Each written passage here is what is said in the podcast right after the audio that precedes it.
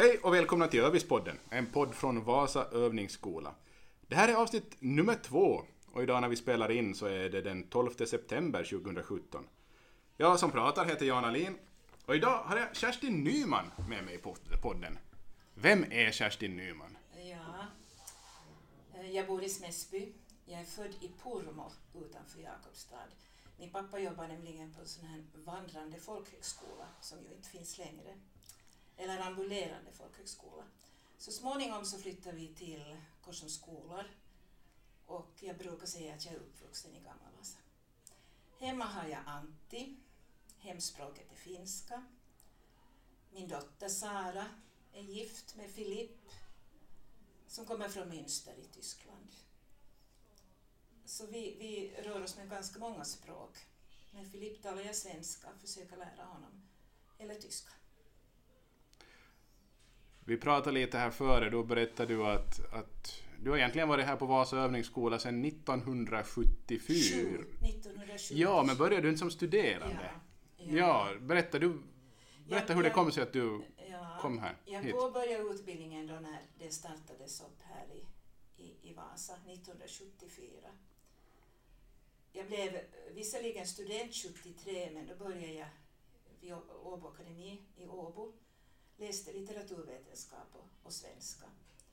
Egentligen hade jag tänkt bli psykolog och kom också in på den utbildningen. Men valde ändå litteraturvetenskap. Så du utbildade dig sen till, till klasslärare här med den riktigt första kullen. Den allra första riktiga Vasakullen, ja. Mm. Som började sina studier 1974. Vi hade annars 40-årsjubileum nu Okej, i Mariehamn på Åland ser du. i, Det- i ja. somras. Okej, trevligt. Mm. Eh, började du sen med samma som lärare också här på Vasa övningsskola när du var färdig? Ja, jag gick då den treåriga utbildningen som den var då. Eh, och sen 1977 så fick jag ett vikariat på övningsskolan. Två år senare så, så hade jag tjänst. Hur var det att börja jobba här på Vasa övningsskola som nyutexaminerad? Ja, Klasslärare. du, det var nog ganska osäkert. Hur menar du då? Just att, att eh, handleda, att veta exakt hur man skulle hålla skola, som man kanske sa den här tiden. Men så småningom genom försök och misstag så har jag ju lärt mig en hel del. Vilka skulle du säga att det är, vilka skillnader är det idag jämfört med då? Vad, vad är största? Menar du skola, skolhållningen eller menar du handledningen av studerande? Nå, egentligen både och. Stö- Största, på vilka sätt har ditt det här övningsskolläraruppdrag förändrats? Eh, Vi kan väl säga så här att, att eh, när det gäller informationen så var det inte så mycket av den varan då för 40 år sedan. När barnen kom till skolan så gav man dem ett kontakthäfte och där kanske man fyllde i då någonting om EUs beställningar och simning och sånt här. Idag skriver jag varje vecka en av fyra löpande text och så skickar jag, skickar jag också hem veckoschemat. Vad tycker du har förändrats med, med handledningen här genom de här åren? Eh, vi hade ju, vi hade ju våra pedagoger som vi, som vi lutade oss tillbaka mot den här tiden. Och jag brukar ju säga att de här tio handledningskriterierna när det gällde bedömning av studerande så håller än idag. Det Mm. var, det var Lahdes kriterier. Den här tiden alltså, från 74 in på 80-talet, så blev ju de facto studerande bedömda i sina omlopp, i, sina, i sin avslutande övning. Just det, det var de här... Undervisningsvitsord. Precis, ja. ja, ja. Mycket spännande. ja jag förstår. Mm. Tycker du att eh, eleverna har ändrat någonting under de här, din tid som Ja, lärare? jag får ofta den frågan.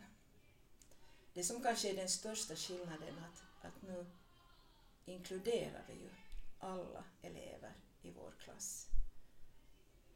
Förr så kanske man hade andra avnämare som, som tog hand om dem på ett eller annat sätt. Men idag tar vi emot dem och, och, och försöker, försöker klara av situationen. En annan sak som ändrar när tiden går så är ju förstås de här olika trender som kommer inom skolan. Eh, på 70-talet var det kanske filttavlorna, jag vet inte, ohån kom. Grupparbete har jag upplevt som en ny sak när jag själv var elev och sånt. Hur tycker du det har varit att anpassa sig till de här olika nya metoderna? Jag tycker det är väldigt viktigt att man tänker själv. Att man tar del av, av de nya strömningarna men att man sen modifierar och utarbetar en modell som man är bekväm med. Det gällde för mig till exempel på 70-talet när eh, den här inriktningen i modersmål, LTG, läsning, läsning på talets grund, var aktuell. Jag gick flera LTG-kurser men kom sen att modifiera det här synsättet så att det passade mig. Så att det, det blev, det kom med också delar av ljudläran, att barnen ganska medvetet lärde sig ljuda. Finns det någon av de här trenderna som har, har kommit och gått som du redan från början suckade och tänkte att vad är nu det här? Eller no någonting som du tycker som inte alls har passat dig? Säkert var det så när det gällde, när det gällde digitaliseringen och när det gällde de här första datorerna. Att jag tänkte, jaha, jag har ju aldrig riktigt varit bekväm med det digitala. Det, det, det är ingen hemlighet. Men nog ser jag ju fördelarna idag, absolut. Vilka fördelar tänker du på då? Eh, för det första är ju vårt samhälle digitaliserat. Att eh, man är ju tvungen att, att klara sig på olika sätt. För det andra är det så mycket enklare. Tidigare om, om, om man ville söka fram fakta om svampar till exempel tog man ju in en klassuppsättning svampböcker. Det har man ju sluppit idag. Mm. Uh, vad, hur ställer du dig till det här? Vi har nu här i Vasa övningsskola det som kallas för 1 till 1 med, med iPad. Att varje, varje elev har en, en egen iPad så att säga. Jag säger som jag just sa, att det är så bekvämt. Och vi kan inte blunda för, för samhällets krav. Det är ju det här som, som kommer att, att gälla och som gäller redan idag. Det som jag tycker är lite svårt är, är, är den här förutsägbarheten. Vi vet ju inte hur vårt samhälle kommer att se ut om 10 år, 20 år. Man säger ju att den här digitaliseringen är en, en förändring jämförbar med till exempel industrialiseringen då, på 1800-talet. Så det är svårt.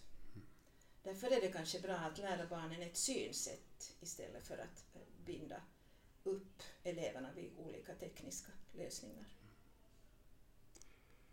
Nu har du varit i Vasa övningsskola som lärare och lärarutbildare i över 40 år. Eh, vad skulle du ge för råd?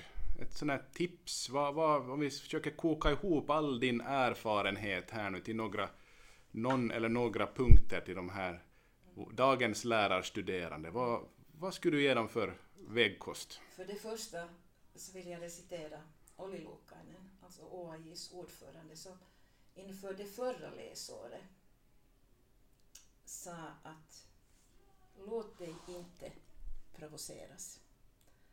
För det andra tycker jag att företagsamhet också i skolan är viktigt. Att lära sig påverka, lära sig se möjligheterna. Och för det tredje, frihet under ansvar. Att inte låta sig provoceras, vad, vad betyder ja, det? Eh, jag tror att han uttalar sig när det gäller arbetsron i våra skolor. Mm. Och då är det ju viktigt att man som lärare inte blir provocerad. Lättare sagt än gjort. Sant. Vi har nått slutet av det här och du vet att som, ska vi nu kalla det belöning för att man har ställt upp och varit med i podden så får man önska nästa gäst i podden. Vem, vem tycker du vi ska prata med nästa gång? Jag tycker ni ska tala med Anna Norrback. Jag har undervisat mycket i religion och Anna har varit min mentor. Tack så mycket Kerstin Nyman för att du var med.